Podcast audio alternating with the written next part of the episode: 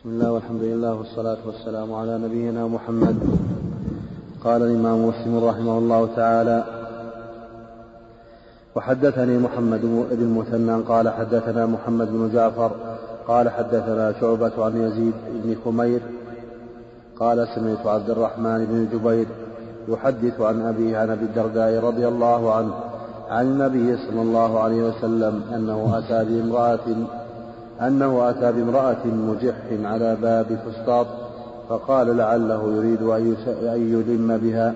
وقالوا نعم. وقال رسول الله صلى الله عليه وسلم.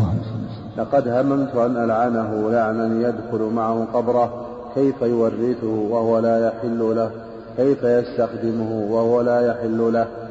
وحدثنا أبو بكر بن أبي شيبة قال حدثنا يزيد بن هارون حاء وحدثنا محمد بن بشار قال حدثنا أبو داود جميعا عن شعبة في هذا الإسناد. وحدثنا خالف بن هشام قال حدثنا مالك بن أنس حاء. وحدثنا يحيى بن يحيى واللفظ له قال قرأت على مالك عن محمد بن عبد الرحمن بن نوفل عن عروة عن عائشة رضي الله عنها عن عن جدامة بنت وهب الأسدية أنها سمعت رسول الله صلى الله عليه وسلم يقول لقد هممت أن أنهى عن الغيلة. بسم الله الرحمن الرحيم. الحمد لله رب العالمين. الصلاة والسلام على رحمك الله. أما بعد فهذا الحديث فيه الوعيد الشديد على من وطئ مسية وهي حامل وأنه من الكبائر. لا يجوز وضع المسية حتى تستبرأ بحيضة أو تضع إن كانت حاملة. والنبي صلى الله عليه وسلم أتى على امرأة مجح يعني حامل مسية من السبي. قال لعله يريد أن يلم بها أن يطأها. قالوا نعم. قال لقد هممت أن ألعنه لعنا يدخل معه في قبره. فيدل على أنه من الكبائر. قال كيف يورثه وهو لا يحل له؟ كيف يستخدمه وهو لا يحل له؟ يعني الولد. إذا وطئ وطئ المرأة فإنها فإن وهي حامل من غيره هذا يؤدي إلى اختلاط الأنساب ولأنه يسقي ماءه زرع غيره. هذا الولد ليس له فلا يحل له أن يطأها وهي حامل حتى تضع معلوم أن المسبية التي سبيت من الكفار إذا غزل المسلمون الكفار وسبوا إلى غيرهم تكون نساءهم وأولادهم أرقة يوزعهم. ولي الأمر على الغانمين. ومن وقع في سبيل امرأة فإنها تكون أمة له ولكن لا يجوز أن يطأها حتى يستبرئها بحيضة إن لم تكن حاملا. فإن كانت حاملا فلا بد أن تضع حملها حتى يبرأ الرحم. فإذا وطئها يكون أولاده له. وهذه المرأة كانت مجح يعني حامل. واقفة على باب فسطاط خيمة. فقال النبي صلى الله عليه وسلم لعله يريد أن يلم بها. قالوا نعم. كان النبي فهم ذلك من علامات. فالنبي صلى الله عليه وسلم بين أن هذا من الكبائر وقال لها لقد هممت أن أعلنه لعنه يكتب معه في قبره. كيف يورثه؟ يعني ولد الذي وهو لا يحل له. كيف يستخدمه؟ لكن بقي الإشكال في معنى ما معنى كيف يورثه وهو لا يحل له؟ كيف يستخدمه وهو لا يحل له؟ هو كلام النووي. قوله كيف يورثه وهو لا يحل له. كيف يورث قال كيف يورثه وهو لا يحل له كيف يستخدمه وهو لا يحل له. معنى يلم بها أن يطأها وكانت حاملا مسبية لا يحل جماعة حتى تضع. وأما قوله صلى الله عليه وسلم كيف يورثه وهو لا يحل له كيف يستخدمه وهو لا يحل له. فمعناه أنه قد تتأخر ولادتها ستة أشهر حيث يحتمل كون الولد من هذا الأب من هذا السابي.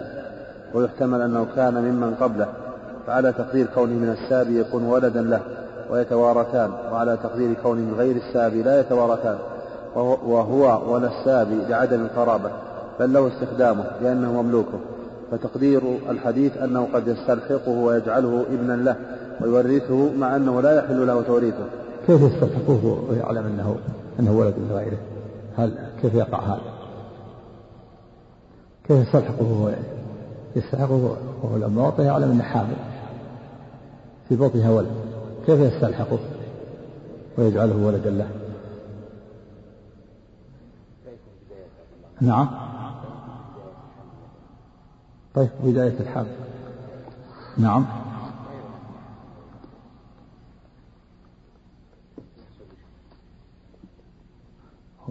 والآن المرأة مجح يعني حامل. فقال لعله يريد أن يلم بها. الرسول علم أنها حامل مجح قال لعله يريد أن يلم بها. فكيف يورثه ولا يحل له؟ ما دام الحامل الآن ثم وطئها كيف يورثه ويعلم أن الحمل غيره كيف يقع هذا؟ كيف يستخدمه؟ ممكن يستخدمه. قد يقال يستخدمه لأنه ولد غيره يعلم أنه ولد غيره يستخدمه. لكن كيف يورثه ولا يحل له؟ يعلم أنها حامل وطئها وحامل ثم يورثه. نعم. كمل تقدير الحديث إنه قد يستلحقه ويجعله ابنا له ويورثه مع أنه لا يحل له توريثه لكونه ليس منه ولا يحل توارثه ومزاحمته لباقي الورثه وقد يستخدمه استخدام العبيد ويجعله عبدا يتملكه مع أنه لا يحل له ذلك لكونه من منه إذا وضعته لمدة محتملة كونه من كل واحد منهما. فيجب عليه الامتناع من وطئها خوفا من هذا المحذور. فهذا هو الظاهر في معنى الحديث وقال القاضي عياض معناه. الإشارة إلى أنه قد ينمى هذا الجنين بنطفة هذا السابع فيصير مشاركا فيه فيمتنع الاستخدام. قال وهو نظير الحديث الآخر من كان يؤمن بالله واليوم الآخر فلا يسقي ماء ولد غيره. هذا كلام القاضي وهذا الذي قاله ضعيف أو باطل. وكيف ينتظم التوريث مع هذا التأويل؟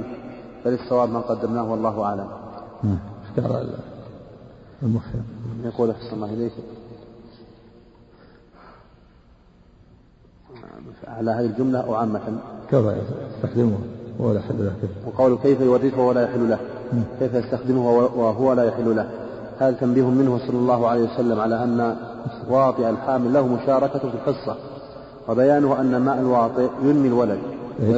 هذا إيش؟ هذا الدليل؟ تنبيه منه صلى الله عليه وسلم نعم. على أن واطئ الحامل له مشاركة في الحصة نعم. وبيانه أن ماء الواطئ ينمي الولد. نعم. ويزيد في أجزائه وينعمه. نعم. وينعمه. نعم أحسن وينعمه. يعني مثل ما قال القاضي نعم. فتحصل مشاركة هذا الواطئ للأب. ولذلك قال صلى الله عليه وسلم من كان يؤمن بالله واليوم الآخر فليسقي معه وزرع غيره. نعم. فإذا وطئ الأمة الحامل لم يصح أن يحكم يحكم لولدها أنه ابن هذا الواطئ لأنه عن ماء غيره نشأ.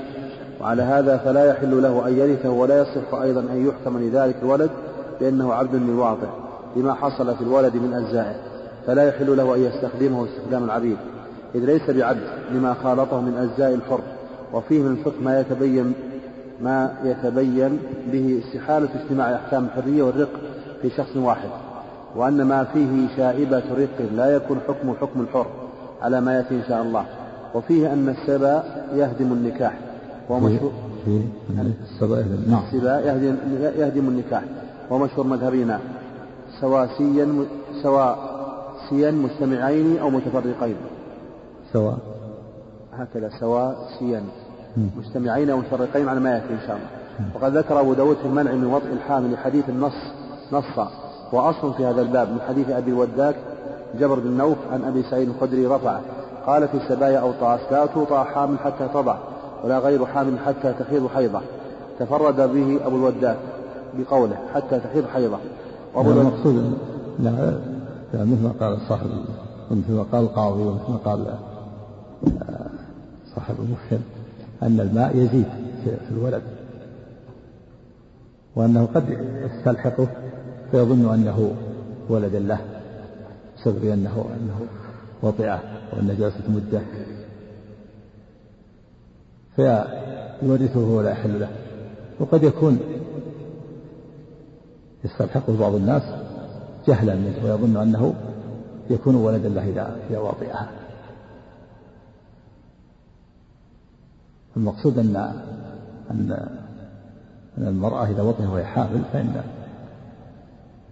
فإن هذا الوضع يزيد في الولد. كما في الحديث لا ما كان يوم واليوم الآخر فلا حل له يسقي ماءه زرع غيره. فإذا وطئه وهي حامل فإن الوطئ يزيد في النطفة.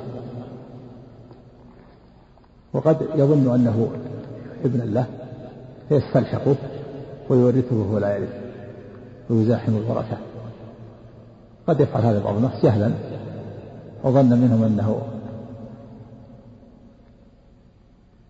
أنه لما مكثت مدة وأن هذا الولد له وقد يستخدمه بعض الناس بناء على أن الولد ليس له وأن وضعه لا, لا يؤثر مع أنه الوضع زاد في الولد في النمو. فيستخدم استخدام العبيد وفيه جزء منه. كان هذا الولد في وإن كان خلق من الواطئ الأول لكن الوضع الثاني يزيد في الولد في تنميته. فكان صار فيه جزء من من الواقع فكيف يورثه وهو مخلوق من الماء الأول؟ وكيف يستخدمه وفيه جزء منه؟ فيه جزء منه. فيه شائبة أنه ابن له وهو يستخدم استخدام العبيد.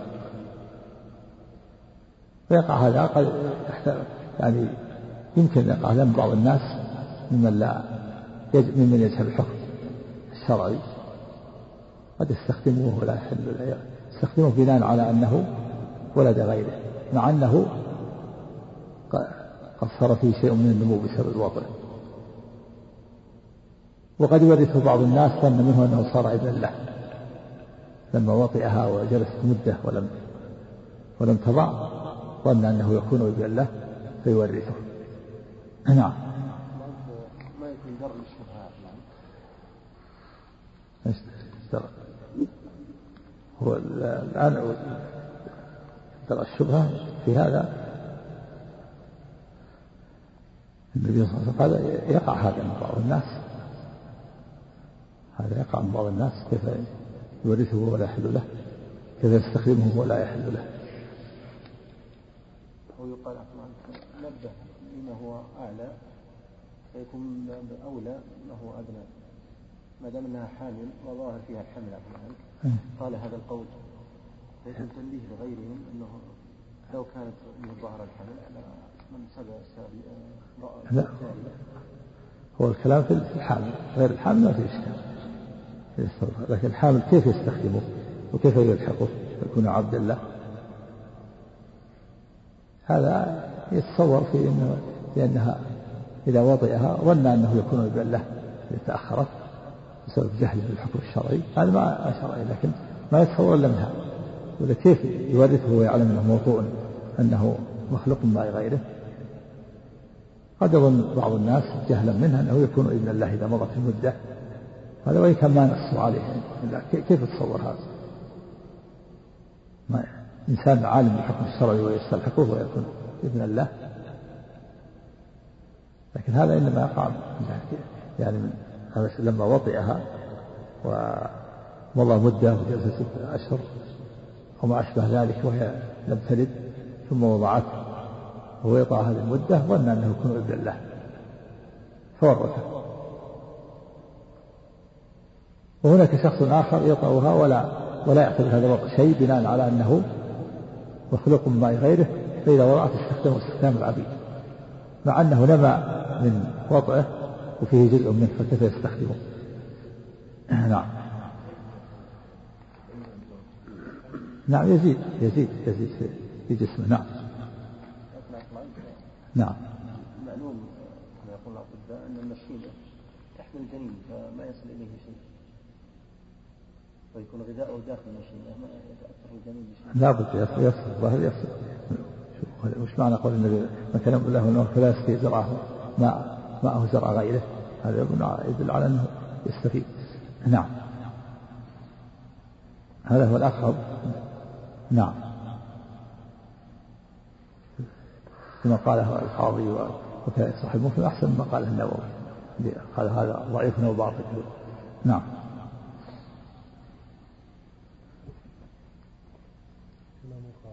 نعم كان القاضي مثل كلام المسلم نعم صحيح. نعم. سيد نمو ولا هو مخلوق من الأول نعم. وحدثنا خالف بن هشام قال حدثنا مالك وأنس حاء وحدثنا يحيى بن يحيى واللفظ له قال قرأت على مالك عن محمد بن عبد الرحمن بن نوفل عن عروة عن عائشة رضي الله عنها عن جدامة بنت وهب الأسدية أنها سمعت رسول الله صلى الله عليه وسلم يقول لقد هممت أن أنهى عن الغيلة حتى ذكرت أن الروم وفارس يصنعون ذلك فلا يضر أولادهم. قال مسلم وأما خلف فقال عن جدامة الأسدية. والصحيح ما قاله يحيى بالدال يعني جدامة بالدال أو بالدال المهملة أو بالذال رجح مسلم في اسمه جدامة بالدال المهملة أو جدامة بالذال المعجمة. رجح مسلم رحمه الله أنه بالدال المهملة نعم. والغيلة هي وطأ المرضع وطأ المرضع وقيل وطأ الحامل إذا كانت ترضع فوطأ الحامل إذا كانت ترضع يقول الأطباء إن إن إن رضاعها فيها داء للولد يضره. إذا كانت حملت وهي ترضع يكون هذا الرضاع رضاع رضاعها وهي حامل داء, مؤثر عليه. يسمونه عندنا المهل. ويشرب مهل مهل يرضع مهل. يسمونها المهل عندنا باللهجة العامية. ويعتقد الناس أنه مضر ولهذا بعض النساء تفطم الولد إذا حملت ولا ترضعه. لأن ارضاعه وهي حامل يضره. النبي صلى الله عليه وسلم بين أنه أنه لا يضر. قال هممت أن أنهى عن الغيلة. وهي وطء المرضع أو أو إرضاع الحامل. فذكرت فارس والروم وأنه لا تضرهم وأن ذلك لا يضرهم. في دليل على أن النبي تهنوا بذلك ولكنه عدل عن ذلك لأنه رأى فارس والروم يغيلون ولا ولا يضرهم. احتج به بعض العلماء على النبي صلى الله عليه وسلم يجتهد ولكن الوحي يقره على اجتهاده أو يبين له. الوحي من الله يبين له المشروع نعم. حدثنا عبيد الله بن سعيد ومحمد بن أبي عمر قال حدثنا المقرئ قال حدثنا سعيد بن أبي أيوب قال حدثني أبو الأسود عن عروة نعم. عن مقرئ هذا. عندكم هكذا. مقرئ نعم صح نعم هذا هو الصواب. واضح النسخ مقبولي المقرئ هو لأنه يقرئ القرآن. يزيد المقرئ سمي المقرئ يقرئ القرآن سبعين سنة. قرأ في القرآن في البصرة وفي مكة. وسمي المقرئ. نعم. حدثنا سعيد بن أبي أيوب قال حدثني أبو الأسود عن عروة عن عائشة رضي الله عنها عن عائشة عن جدامة بنت وهب أخت عكاشة قالت حضرت رسول الله صلى الله عليه وسلم في أناس وهو يقول لقد هممت أن أنهى عن الغيلة فنظرت في الروم وفارس فإذا هم يغيلون أولادهم فلا يضر أولادهم ذلك شيئا. هو المسلم عن الغيلة. قوله ولقد هممت أن أنهى عن الغيلة بكسر الغين وهي الاسم من الغين وإذا دخلت عليه لا فليس يصح الكسر. إيش وهي الاسم إيش؟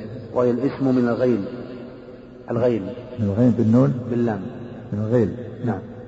وإذا دخلت عليه الهاء فليس يصح الكسر. الغيلة. نعم. يقال الغيل وغيلة. نعم. وهو جماع المرضع وروي بكسر الغين وقال بعضهم قالوا غيلة للفتح للمرة الواحدة من الغيل واللغويين في تفسيرها قولان. أحدهما أن الغيلة هي أن يجامع الرجل امرأته وهي ترضع حكي معناه عن الأصمعي يقال فيه غال الرجل المرأة. وأغالها وأغيلها. وثانيهما أنها أن ترضع المرأة وهي أن ترضع أن ترضع المرأة وهي حامل. يقال عليه غيلة في اللغة. وذلك أن هذا اللفظ كيفما دار إنما يرجع إلى الضرر والهلاك. ومنه تقول العرب غالني أمر كذا. غالني. أمر كذا. الهلاك. ومنه الذي عن فلان غال فلان؟ إذا إذا قبض على حلقه. نعم. أي أضرني وغالته الغول أهلكته وكل واحدة من حالتين مذكورتين مضرة بولد. ولذلك يصح أن تحمل الغيلة في الحديث على كل واحد منهما. يعني تحمل على جماع المرضع أو إرضاع الحامل. فمضر بالولد. إذا جماع المرضع إذا جمع المرضع أو أرضعت المرأة وهي حامل. نعم. يطلق على كل منهم. نعم. نعم.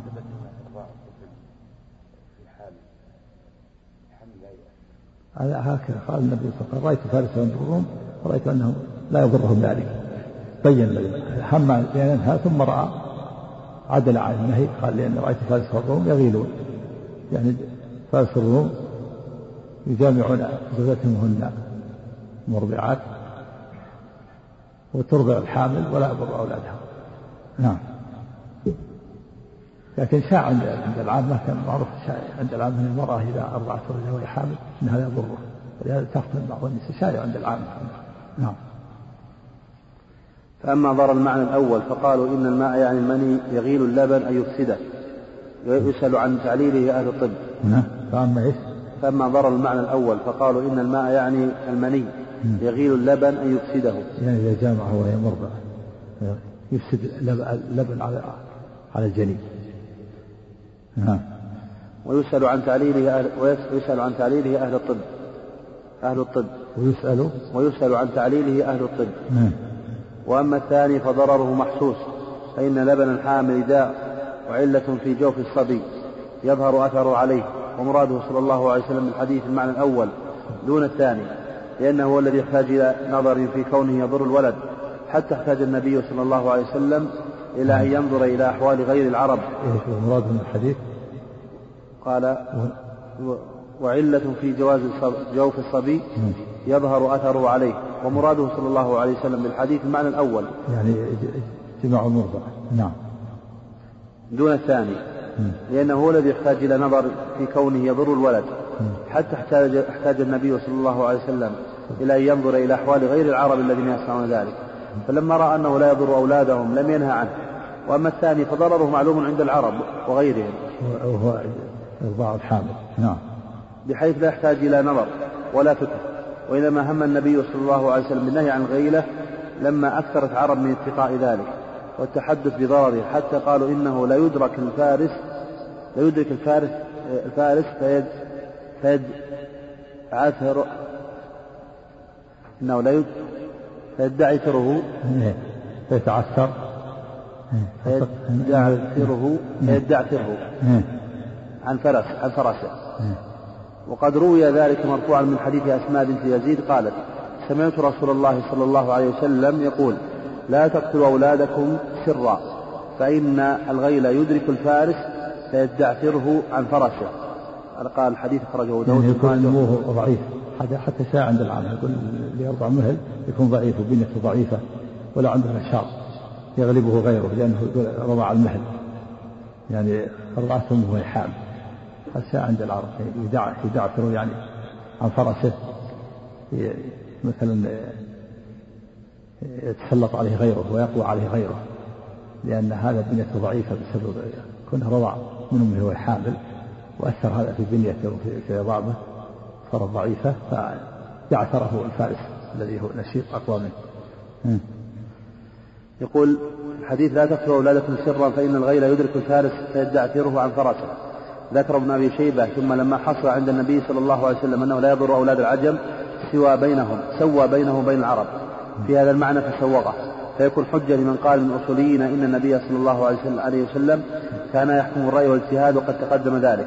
وقول السائل نعم عن عزري نعم.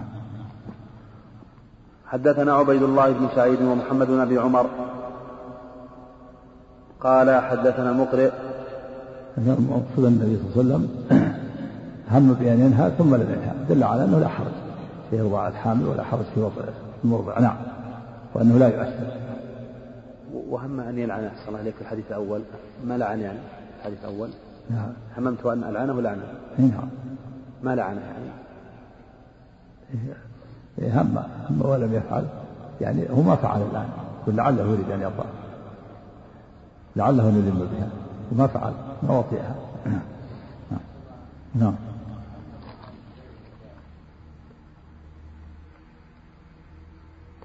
الصبايا وغيرها يعني وطئ المرضع عام.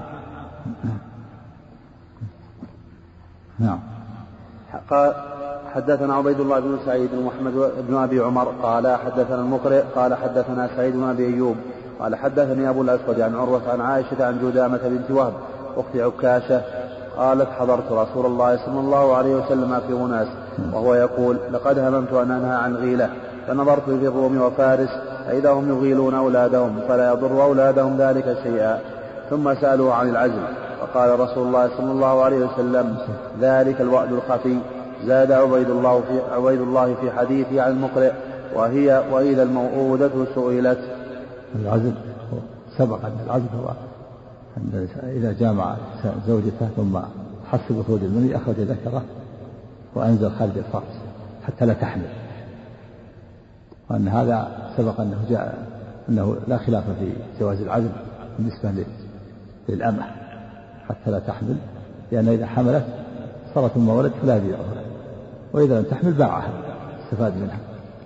أما الحرة فالجمهور على أنه لا يجوز العزل إلا برضاها لأن لا حق في الجماع ولحديث ورد في ذلك. والقول الثاني أنه لا بأس حتى بالعزل حتى الحرة. تسميته بالوعد الخفي يدل على أن تركه أولى. والولد الخفي لا بأس به إنما الممنوع الوعد الحقيقي.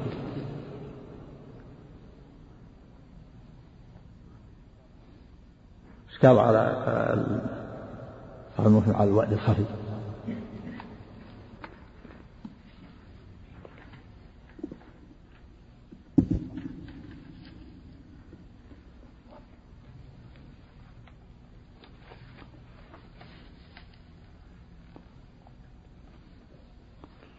قول ذلك الوعد الخفي.